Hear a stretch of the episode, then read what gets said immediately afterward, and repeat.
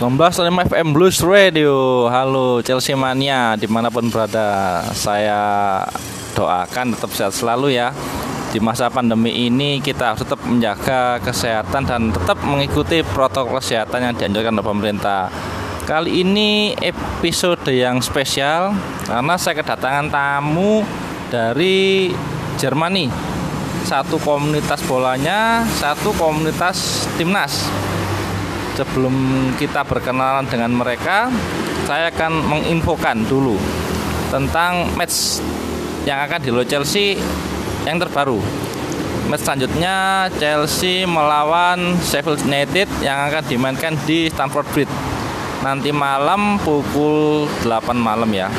Jadi jangan sampai terlewat, mungkin disiarkan TV lokal saya tidak membuat konten tersebut karena beberapa hal. Jadi masih sibuk saya ganti dengan segmen kali ini yang spesial dengan tamu-tamu saya. Oke kita akan berkenalan dulu dengan beliau-beliau ini. Nanti bar barangkali nih ada medsos atau nomor WA mohon diperhatikan. Barangkali Gibol mana atau Chelsea mana ingin join bisa langsung follow akun mereka atau nyimpen nomor WA mereka. Oke, untuk yang pertama saya persilahkan namun kita untuk berbicara dulu memperkenalkan diri, monggo. Halo, kenalkan nama saya Aji, saya perwakilan dari fans Jerman dan Bayern Munchen. Dan terima kasih juga untuk Mas Darwi udah mengundang saya di acara podcastnya Mas Darwi. Suatu kehormatan bagi saya. Terima kasih banyak Mas Darwi. Nomor HP uh, untuk sosial media yang bisa dihubungi untuk GFI itu at GFI Surabaya. Dan untuk Bayern Munchen eh, untuk FCBFI Surabaya at FCBFI underscore Surabaya ya, sekian Mungkin Mas Jun. Oke, selamat siang para pendengar setia. Biasa Mia of Guest. Saya dari perwakilan dari FCPM Surabaya. Nama saya Junaidi. Uh, untuk mengetahui sosial media saya mengenai fans club yaitu at FCVVI underscore Surabaya. Untuk nomor yang bisa dihubungi yaitu 085732 216878 itu persilahan saya untuk teman-teman semua. Kembalikan ke hostnya itu Mas Darwi Terima kasih Mas Aji dan Mas Jun. Perkenalan singkatnya bagi Kibulmania atau Chelsea mana ingin join bisa dicatat ya nanti di akhir podcast juga akan diinfokan kembali jadi jangan khawatir untuk yang mau join ke GFI atau Chelsea Mania punya teman fans Jerman nanti bisa diinfokan kembali di podcast ini. Oke, kita langsung berbicara ke topik utama saja. Mungkin saya akan berbincang dulu dengan Mas Mas Aji ya.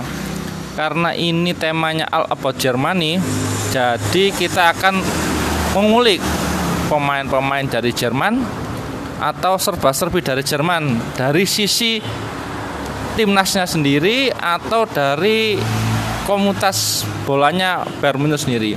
Baik, saya mulai dari Mas Aji mungkin. Mas Aji, saya mau tanya nih, pemain Jerman yang di Inggris itu siapa saja sih yang Mas Aji tahu dan bagaimana kiprahnya untuk tim tersebut dan apakah berpengaruh dengan timnas? Monggo Mas Aji. Oke, pertanyaan yang sangat bagus sekali Mas Darwi.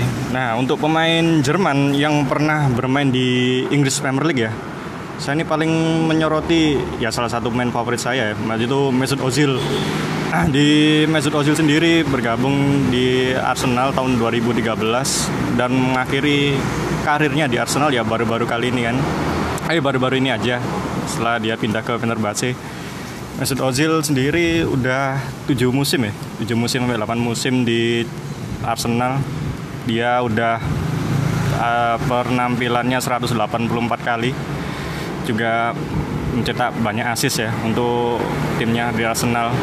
Nah, untuk musim pertamanya itu di Mesut Ozil di Arsenal itu bagus sekali sih menurut saya. Cuma tidak didukung sama mental yang bagus sih. Kadang itu dia apa ya kayak main uh, tidak sesuai dengan harapan. Kadang ya males ngejar bola. Tapi kalau udah punya mental yang bagus itu menjadi pemain yang sangat mematikan dan memanjakan strikernya. Nah untuk selain Mesut Ozil juga ada Ilkan Gundogan sekarang lagi on fire bersama Manchester City. Ini juga mantan pemainnya Borussia Dortmund yang pindah ke Manchester City di tahun 2016. Dan juga dia untungnya juga lagi on fire, juga dapat pemain terbaik ya untuk bulan Januari ya, ya Mas Arwi ya. Nah ini bagus juga. Dan untuk ke belakangnya lagi tahun media tahun 2000-an ya, ada Michael Balak juga pernah memperkuat Chelsea. Terus Robert Hood wah ini juga main di Leicester. Dia dapat gelar Liga Inggris. Wah ini yang paling keren banget ini. Kalau lainnya sih ya di Chelsea sendiri yang baru-baru ini ada Timo Werner sama Kai Havertz. Ya cuma belum memenuhi ekspektasi aja cuma kali-kali ini aja. Eh belakangan ini penampilannya sudah mulai on fire sih. Kalau dari yang saya tahu ya dari Mas Hendra katanya kayak Harvard mulai menunjukkan tajinya. Katanya mainnya kayak Thomas Muller. Wah ini ini sesuatu harapan yang bagus. Moga aja bisa diterapkan di timnas Jerman. Sekarang kan timnas Jerman juga lagi off form sih kalau saya bilang. Setelah habis dibantai 6-0 ya. Aduh sangat menyakitkan sekali sih. Tapi ya gimana lagi? Emang Jerman lagi jelek sih. Mungkin Spanyol juga balas dendam ya. Soalnya apa, apa timnya Barcelona juga habis dibantai 28 mungkin balas dendamnya tuh ke timnasnya. Jadi timnasnya dihancurin 6-0 saya lihat permainan Jerman tuh hancur sekali ya. Ya dari pemainnya pelatihnya strateginya wis benar-benar dibantai Jerman. Tapi moga-moga aja Jerman bisa bangkit dan bisa berbicara banyak di Euro 2020 ini. Tinggal tiga bulan lagi ya nggak iya, salah ya, Euro 2020 nah. terima kasih Mas Aci infonya untuk pemain-pemain dari daratan Ratu Elizabeth yang bermain di Inggris daratan pemain Jerman yang bermain di Liga Inggris dan sekarang saya akan berpindah ke Mas Jun mungkin Mas Jun sedikit banyak tahu orang-orang atau pemain dari timnas Inggris dan Ratu Elizabeth yang bermain di Bayern Munchen. Sepengetahuan Mas Jun saja dan bagaimana kiprahnya di Bayern Munchen. Entah tahun-tahun lama atau yang terbaru, monggo Mas Jun bisa dijelaskan pemain Inggris yang bermain di Bayern Munchen Mas Jun. Monggo.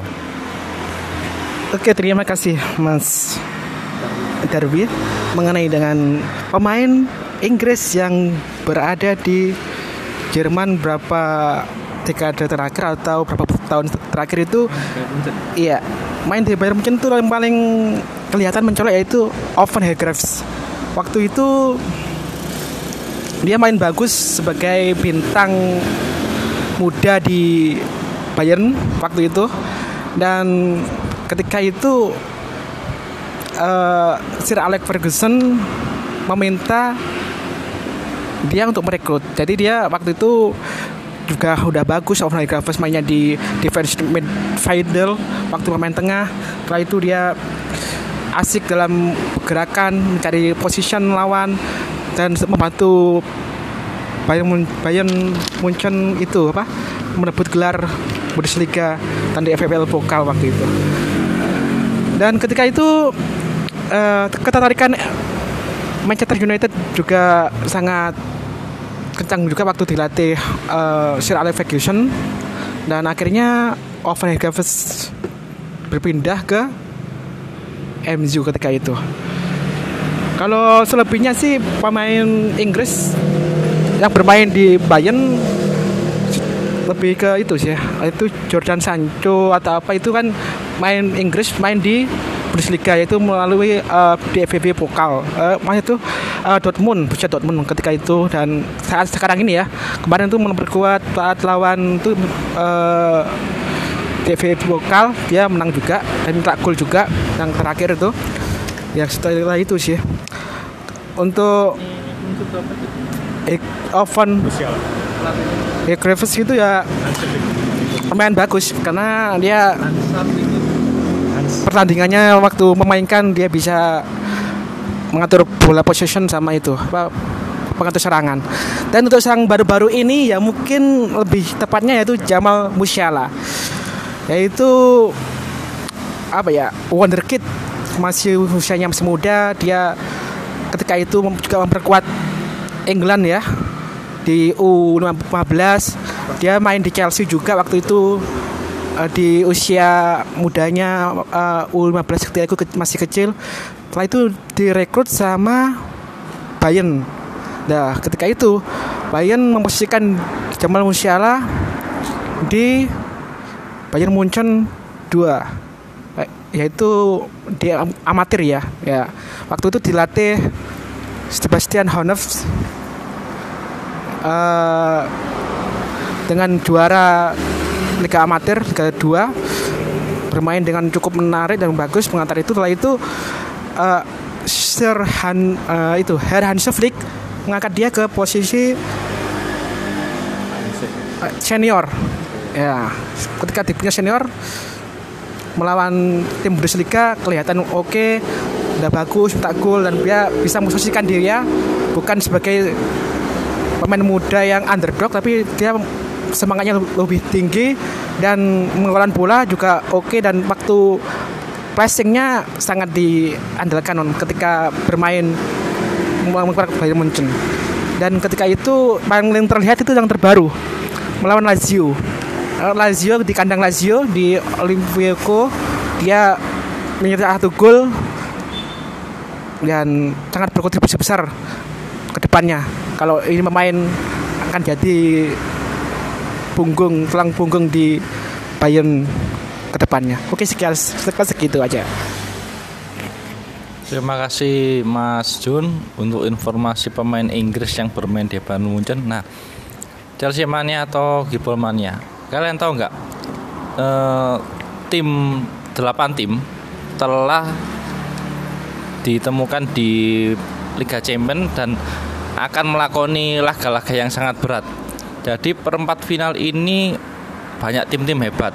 Tapi tahukah kalian? Empat dari delapan tim yang berlaga di Liga Champions itu pelatihnya dari Jerman loh. Siapa saja mereka? Ada Jurgen Klopp di Liverpool, ada Thomas Tuchel di Chelsea, ada Hans Flick di Bayern Munchen, ada Edin Terzic di Bayern Dortmund. Nah, Borussia Dortmund tepatnya. Nah, apakah ini kebangkitan dari timnas Jerman sendiri dan apakah tahun-tahun berikutnya mereka pantas untuk menggantikan Joachim Low yang menurut banyak fans eh, formasinya sudah mulai dibaca oleh tim-tim lain ya. Jadi kita akan bertanya kepada Mas Aji dari perwakilan GFI. Bagaimana pendapat Mas Aji tentang empat pelatih tim Eropa dan tim besar yang sedang melakoni babak perempat final Liga Champions. Bagaimana rekan mereka? Apakah suatu ketika atau tahun-tahun berikutnya dapat menggantikan Joachim Low? Monggo Mas Haji. Oke, pertanyaan sangat bagus sekali Mas Darwi. Nah, untuk sekarang ini kan Joachim Low kan juga lagi masa-masa susah kan. Juga dari performanya Jerman ya juga kurang bagus. Dari yang benar dikatakan Mas Darwi udah mulai kebaca. Sedangkan strateginya kan juga mulai monoton juga. Otomatis kalau timnas yang lawan Jerman itu pasti akan nunggu bola kebanyakannya. Sedangkan kelemahan Jerman itu kalau main sama tim yang nggak terbuka dan nunggu bola itu udah pasti kebingungan pastinya Mas Darwi. Dan juga ya pasti mentok gitu-gitu aja. Beda kalau waktu awal-awal ditangani sama Joachim Low ya mulai tahun 2016 kalau nggak salah ya. Itu Jerman itu udah mulai grafiknya tuh udah mulai naik kalau saya nilai sih. Dengan permainannya yang tidak textbook seperti tahun media tahun 80 90-an dan awal 2000 yang kaku kalau kali uh, teman-teman nonton ya.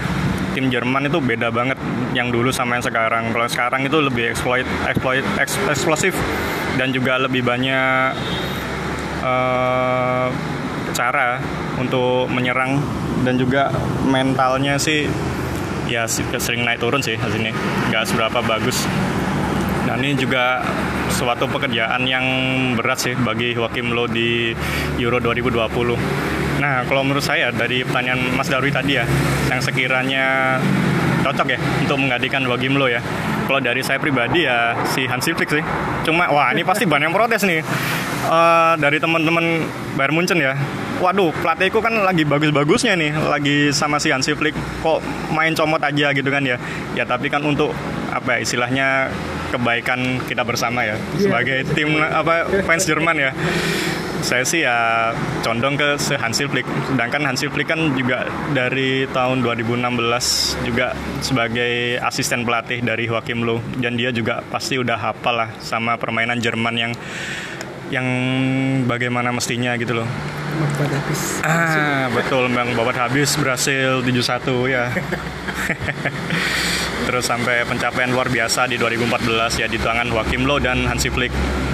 Cuma ya kembali lagi ini ya keputusan dari Bayern Munchen dan DFB apakah dia berani bisa ngambil Joachim ah sorry mengambil Hansi Flick Nah ini ini patut kita tunggu dan kita ikuti perkembangannya. Kalau misalnya Jurgen Klopp ya yang dari Liverpool, hmm, saya sih secara pribadi ya kurang ya, kurang untuk Jurgen Klopp. Soalnya kenapa? Kalau Jurgen Klopp itu kebanyakannya tuh di awal-awal aja tuh biasanya tuh bagus, tapi untuk udah udah sampai pencapaian klimaks itu pasti grafiknya pasti menurun. Kayak Borussia Dortmund kan itu tahun 2015 eh 2014 15 itu Borussia Dortmund hampir degradasi loh itu. Waktu di tangan Jurgen, Jurgen Klopp. Tapi untung aja waktu di akhir kompetisi Gaspol akhirnya peringkat ke 6 atau peringkat 7 gitu. Akhirnya Borussia Dortmund masuk ke Piala Eropa eh Europa League. Nggak sampai ke Liga Champions untuk yang pilihan dari pelatih Jerman ya yang di UCL Edin Terzic. Jujur sih saya masih kurang banyak info ya dari ini pelatih. Masih kurang paham juga sih. Sebelumnya sih jadi asisten pelatih dari pelatih sebelumnya. Nah untuk yang pelatih yang di Jerman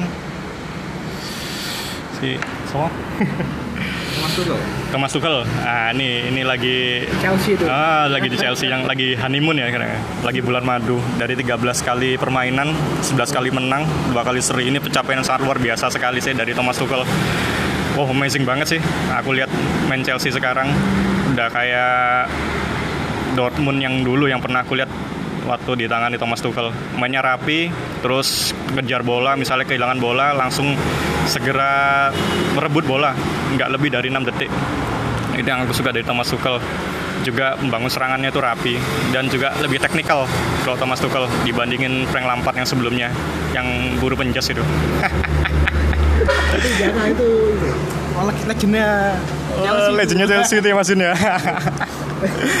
eh, iya tapi ya gimana pun juga ya kalau misalnya legend udah jadi pelatih ya juga harus siap-siap di omong-omongin yang nggak enak sih. Dan itu juga harus diterima walaupun legend sendiri ya menurut saya gitu.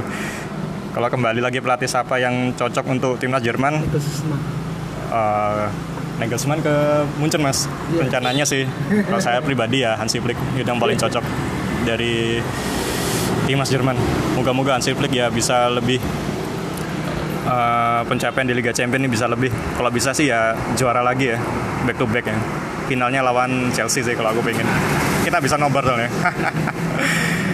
ya cukup sekian Mas, Mas Darwi. Terima kasih. Terima kasih Mas Haji, infonya sangat mendalam sekali banyak berita yang kita dapat dari Mas Haji tentang empat pelatih dari Jerman yang sedang menukangi tim-tim elit Eropa yang berlaga di Liga Champions. Kita akan berpindah ke Mas Jun. kita akan bertanya ke Mas Jun tentang potensi Bayern Munchen menghadapi PSG ya. Jadi Bayern Munchen akan ketemu tim raksasa dari Paris uh, akan melakukan laga maha hebat melawan PSG. Nah, bagaimanakah persiapan Bayern Munchen untuk meladeni PSG di leg pertama? Mengingat PSG telah menyingkirkan tim elit dari Spanyol Barcelona. Bagaimana kansnya Bayern Munchen? Apakah lolos atau bagaimana kita akan berbincang dengan Mas Jun sendiri, mau Mas Jun? Oke, terima kasih Mas Derwis untuk pertanyaannya. Bagus sekali. Untuk peluang Bayern menghadapi PSG di ajang champion ini kalau saya sendiri sebagai fan Bayern 100 ribu persen lolos Bayern harus gitu amin. Karena apa? Kalau dilihat dari segi pemain memang Bayern kalah populer dengan PSG. Karena apa, Bah? PSG memiliki Neymar, Mbappe, Di Maria, Icardi. Kalau nafas yang notabene semua uh, kalau nafas dia berhasil membawa champion ketika itu memperkuat Madrid dan teman-temannya Neymar juga waktu itu juga memperkuat Barcelona bisa membawa champion. Dan ini akan menjadi partai menarik. Karena apa? Karena sebelumnya kedua tim sudah bertemu. Waktu final champion 2020 yang kemarin tuh. Yang lewat golnya Koman di menit 58 ke atas itu kita minta gol dan kita akan mengunci gelar seperti itu. Dan sangat menariknya dari segi permainan emang Bayern lebih ke pressure sama uh, blue F dari blue F dari posisi sayap untuk mengasis ke Lewandowski dan yang lain-lain. Dan dari segi pemain emang Bayern lebih mengarah ke pressing di lapangan tengah sih. Nanti akan lebih ke jenderalnya lebih ke itu. Joshua Kimmich sama Goretzka mengatur lapangan tengah tersebut. Kayak gitu sih. Kalau dari PSG sendiri dari pemain sangat familiar, sangat hebat lah uh, dari segi permainannya sangat oke. Okay. Namun dari segi pelatih, kita bahas pelatih dulu. Kalau kita bahas pelatih Mauricio Pochettino itu dulu waktu memperkuat melatih Tottenham Hotspur ketemu Bayern dihajar tuh di kandang sendiri sana. Yeah. Ya sama Gnabry uh, master chef untuk mengudek-udek kopi gitu ya. Itu lebih asik gitu. Dan apa ya? Kalau pelatih memang unggul Bayern lebih unggul Bayern. Kenapa? Bayern pelatihnya Herr Hans Flick kemarin uh, di Liga Champions belum terkalahkan juga. Dan taktiknya luar biasa sekali. Dia nggak mau senyum sekali sedikit pun sebelum memastikan menangan. Uh, apa ya full time nggak gitu ya. Dan kemarin melawan Stuttgart ya tadi malam tuh itu Gnabry Gnabry belum mulai nyetak gol lagi. Dia mungkin akan kangen lagi menyetak gol ke gawang anak asuh ya Mauricio Pochettino lagi. Amin, seperti amin. yang dilakukan melawan Tottenham Hotspur musim lalu. Dan untuk champion lebih ke lolos sih. Lolos nanti mungkin ketemu Dortmund atau City ya. Nah, dan itu nanti, aja ketemu Chelsea ya di partai final. Partai final ulang tahun 2012 yang kita kalah sih. Di kandang sendiri lewat Drogba waktu itu ya. Ada penalti ya gitu. Gitu aja sih. Mungkin mungkin ada tambahan dari lain atau apa. Bisa saya serahkan ke Mas Darwis. Terima kasih Mas Jun. Uh, ini pertanyaan terakhir dari saya untuk Mas Haji dulu. Mas Haji bisa menanggapi nggak pemain Jerman yang bermain di Chelsea masa lalu dan pemain Chelsea yang bermain di masa sekarang. Saya punya lima nama, dua pemain lama, tiga pemain baru. Bagaimana menurut Mas Aji permainan mereka dan untuk perkembangan di timnas sendiri waktu itu dan waktu sekarang bagaimana juga apakah mereka dapat masuk dan dipastikan oleh Jacimlu di starting eleven.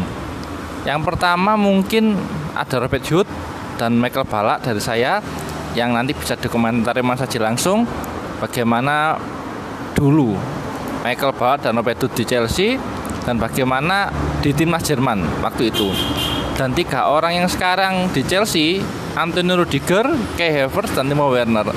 Apakah kans mereka masuk ke starting eleven sangat besar atau belum tentu Mas Haji? Bagaimana Mas Haji?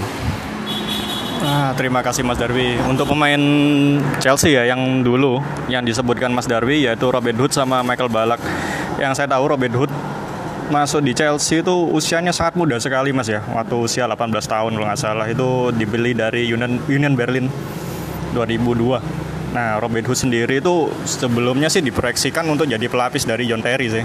Nah, sedangkan John Terry juga belum tergantikan Nah, sedangkan Robert Hood kan juga masih berkembang pada saat itu. Jadi untuk menggantikan uh, John Terry pada saat itu wah kayaknya impossible sih. Jadi ya Robert Hood pada saat itu ya juga cuma sebatas jadi pelapis. Yang saya suka dari Robert Hood ini waktu free kick jadi itu tendangannya tuh geledek Robert Hood. Dan untuk masih bertahan ya juga markingnya juga ya so-so aja sih untuk Robert Hood. jadi Robert Hood kesimpulannya sih biasa aja sih menurut saya sih cuma sebagai sekedar lewat aja sih waktu Robert Hood di Chelsea itu nah ini sama aja juga legend dari Jerman sih yaitu Michael Balak Balak dibeli dari oh sorry dapatin dari Bayern Munchen secara gratis pada saat itu dari Bayern Munchen kontraknya udah habis terus pindah ke Chelsea dia juga mulai debut di tahun 2006 sama Chelsea, empat musim juga. Um, ada penampilan 105 kali tampil, dapat gelar dia juga ya di IPL ya tahun 2008 ya kalau nggak salah ya. Kunci gelarnya tuh spesial ya waktu ngalahin MU 2-0. Kebetulan Michael Balak yang nyetak dua gol itu melalui penalti dan tendangan bebas. Kebetulan aku nonton sih soalnya. Jadi tahu. Michael Balak nah itu. Nah peran sentralnya di Chelsea ini kayaknya sih kurang ya kalau menurut menurut saya sih. Soalnya kenapa? Dia tuh lagi bentrok posisi. Bukan bentrok secara pribadi ya cuma bentrok posisi aja sama uh, Frank Lampard Frank Lampard posisinya kan AMC attacking midfield center sedangkan Michael Balak juga sama attacking midfield center Nah pas di Chelsea role-nya itu berbeda dengan sebelumnya yang di Bayern Munchen. Kalau di Bayern Munchen kan dia AMC ya, lebih ya ke playmaker juga. Nah kalau di Chelsea ini dia tuh posisinya sebagai midfield center, jadi sebagai penyeimbang. Nah sedang juga di Chelsea juga ada Claude Makalele kan, bentrok juga posisinya. Jadi kayak ya maaf aja kayak nggak guna sih Michael Balak aslinya itu di Chelsea itu. Kayak mubazir gitu loh dengan gaji yang tinggi 130 ribu euro. Jadi ya kalau misalnya balak bisa performanya bagus ya ya menggeser si Frank Lampard sih. Tapi kayaknya itu impossible ya menurut saya sih Nah, untuk yang pemain Chelsea dulu Robin Hood sama Michael Balak di timnas Jerman juga sentral ya. Kalau Robin Hood itu Uh, saya sentralnya tuh waktu di Piala Konfederasi itu dia tuh bagus. Cuma untuk Piala Dunia di 2006 2006 itu cuma sebagai main cadangan sih. Dia tuh pelapis dari Christopher Selder sama aduh back satunya lupa. ya salah satunya. Nah untuk Michael Balak ya kita tahu sendiri kan tan Jerman tanpa Michael Balak itu ya separuh kekuatan dari Jerman ada di Michael Balak. Nah untuk yang sekarang ya Mas Darwi ya, untuk yang pemain Jerman di Chelsea yang sekarang yaitu Antonio Rudiger, Kai Havertz sama Timo Werner. Nah untuk yang Rudiger kan sudah dulu ya sebelumnya udah bergabung lebih dulu dari Roma tahun 2017. Sem di pelatih dari Sari ya nggak salah itu ya bawaannya si Sari Rudiger ini cocoknya ini main dengan tiga back sih tapi kalau empat back dia itu kurang bagus kemampuan di tiga backnya itu baru mulai keluar ya istilahnya itu kemampuan-kemampuannya itu. Nah tapi waktu di zaman si Frank Lampard melempem penampilannya itu si Rudiger juga berimbas ke penampilan di timnas Jerman. Kemarin waktu lawan Swiss itu dia buat dua kali blunder itu. Si Antonio Rudiger cukup disayangkan juga sih. Akhirnya Jerman nggak bisa bawa poin penuh pada saat itu. Emang emang aslinya nggak nggak aslinya sih bisa lolos. Cuma karena ya pemain Jerman yang kurang on fire sih. Jadi mengakibatkan Jerman nggak lolos di Nation Cup. Nah untuk selain Antonio Rudiger ada lagi yaitu kayak kayak Havertz ya. Kayak Havertz menurut saya sih terlalu prematur ya pindah ke Chelsea. Dia baru usia yang sangat muda pindah ke Chelsea. Harusnya sih ya satu atau dua musim di Bayer Leverkusen setelah pemainnya mateng baru dia tuh pindah ke Chelsea. Kalau sekarang sih ya mulai alhamdulillah ya ditangani sama Thomas Tuchel permainan mulai berkembang. Nah ini sama juga dengan rekan satu negaranya yaitu Timo Werner. Timo Werner ya aslinya sih ya kalau saya lihat sih ya bagus ya aslinya. Cuma mungkin ada karena saya fans Jerman ya saya sih lihat Timo Werner juga salah satu main favorit saya waktu di Leipzig sih itu. Juga bagus cuma ya itu kurang finishingnya itu waduh wadidaw sekali itu harusnya dioper malah ditendang kalau udah ditendang malah tendangannya ngaco gitu kan Timo Werner mestinya tuh harus latihan sih satu hari minimal tuh nendang ke gawang 100 kali itu baru mungkin bisa bagus lagi finishingnya.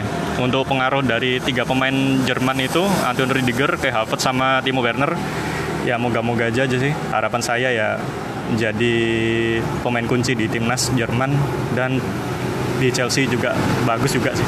Seperti di musim-musim sebelumnya. Nah, ya. Sekian Mas Darwi, saya kembalikan lagi ke Mas Darwi. Terima kasih Mas Haji atas infonya pemain-pemain lama Chelsea dulu Robert Hood dan Michael Ballack dan pemain Chelsea yang sekarang Anthony Rudiger, Kai Havertz dan Theo Werner. Untuk pertanyaan terakhir buat Mas Juni. Musim panas depan adalah Chelsea akan berburu seorang pemain dari Jerman. Yang lagi panas-panasnya nih pastikan semua tahu dan sang pemilik Roman Abramovich menyiapkan uang cash sebesar 130 juta euro cash ya. Di, di garis bawah ya nggak ngutang kayak Real Madrid.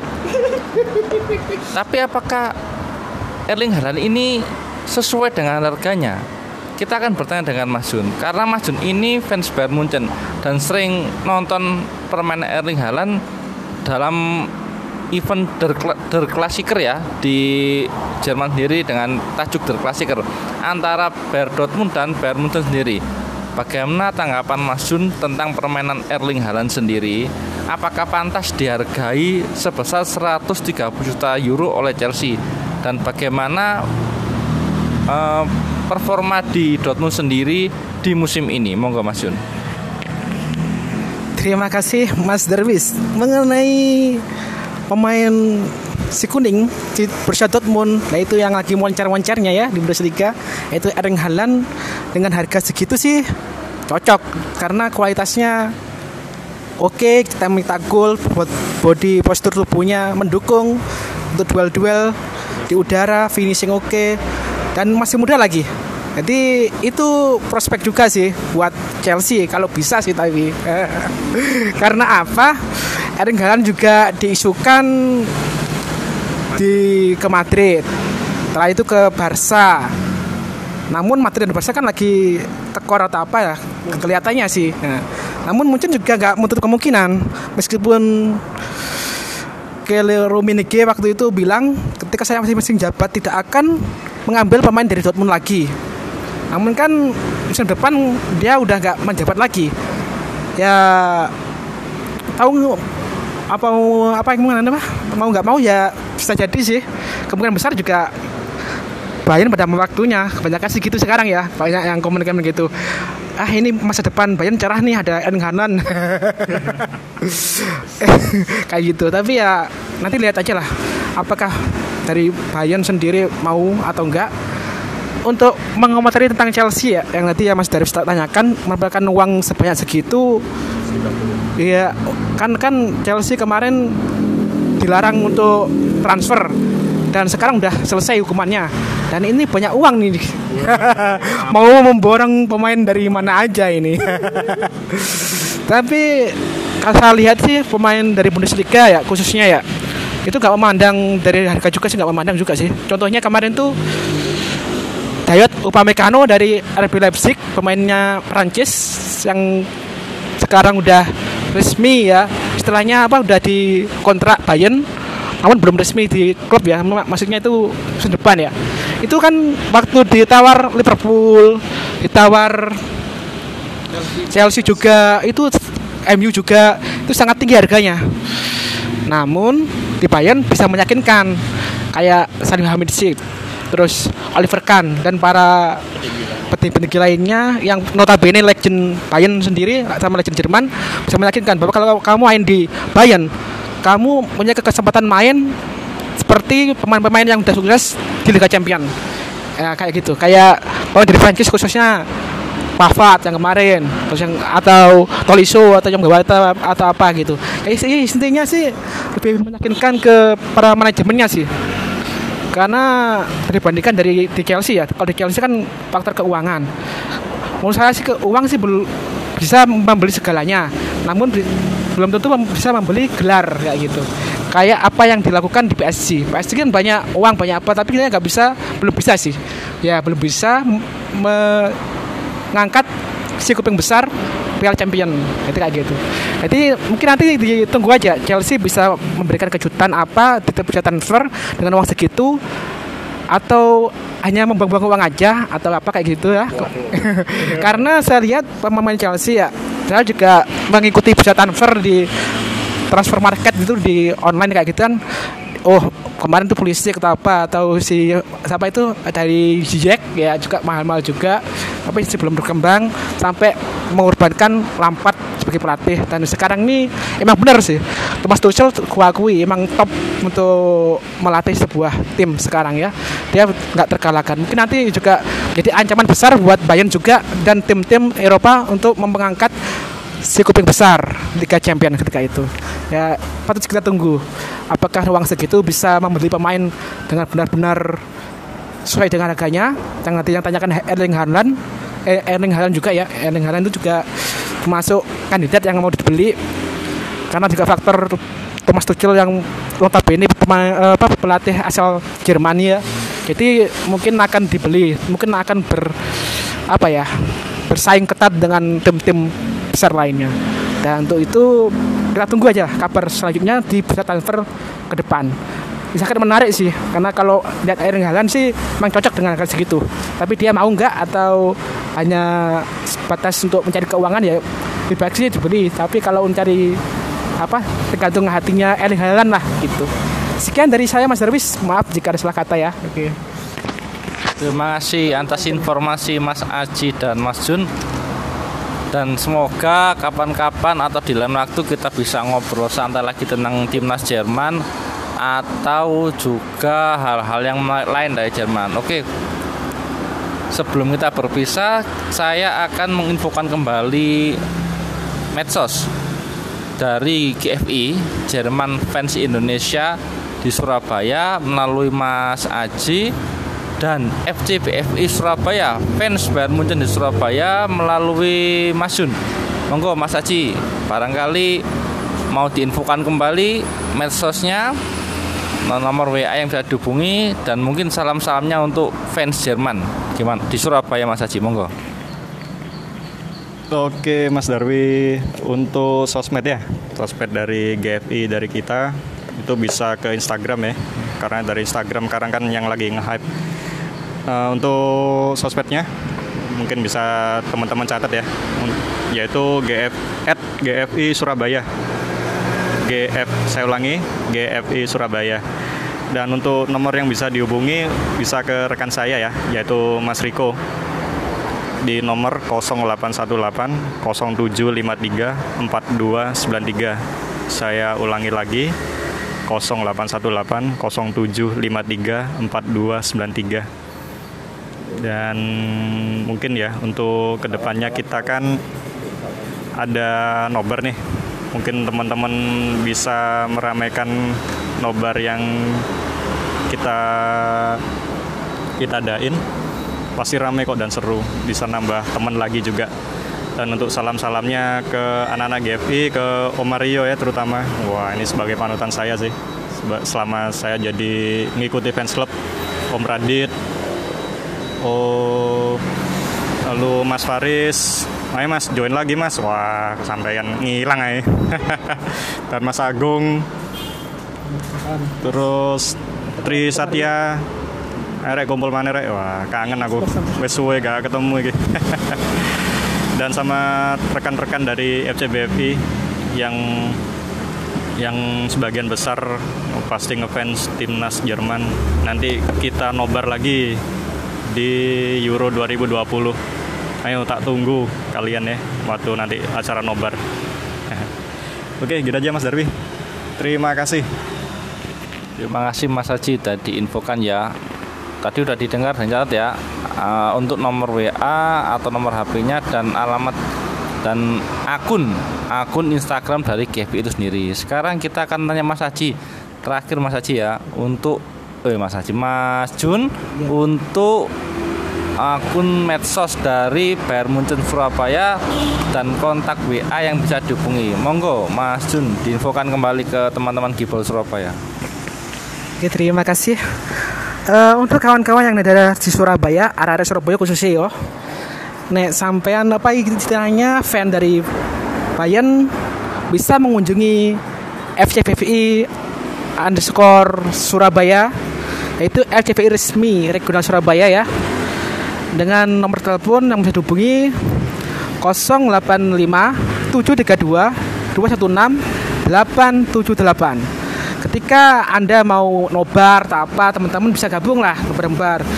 Nah, mungkin nanti Liga Champion lawan PSG terus futsal futsal atau acara yang menarik lain yang positif positif pastinya ya ya itu itu nanti bisa gabung bisa lihat IG-nya bisa lihat kontak nomornya yang tersedia di IG Instagram tersebut tanya-tanya atau apa. Mungkin ngopi-ngopi karena kita bagi FCVB teman-teman satu bulan sekali ngopi sih. Ada agenda ngopi. Mungkin bisa ngutarakan kenalan atau ngutarakan apa masukan masukan apa atau apa sih yang menarik. Ayo mas bikin acara menarik cak. Ayo cak. Kita gitu ya kebanyakan kayak gitu sih untuk meramaikan dan mungkin nanti kebanyakan dari fan Bayern khususnya ya itu mendukung timnas Jerman. Mungkin nanti juga akan gabung dengan Mas Haji GFI Surabaya untuk ngadakin ngopi juga Yoi. untuk menyambut Euro yang tiga bulan ke depan. Ya kayak gitulah. Istilahnya kita kayak timnas apa kayak fan dari timnas Jerman juga dari FC Bayern juga akan mensupport itu kerjasama untuk itu. Oke terima kasih dari semuanya dan saya sangat berterima kasih juga dengan Om Mario selaku selaku penasihat dan owner dari FCVI Surabaya yang sangat hebat menurut saya dalam mengatur organisasi ke ke depannya. Sekian dari saya, terima kasih. Assalamualaikum. Terima kasih Mas Haji dan Mas Jun atas informasinya. Semoga kita di dalam waktu dapat berjumpa lagi dan ngobrol-ngobrol santai lagi. Akhir kata dari saya, come on Chelsea.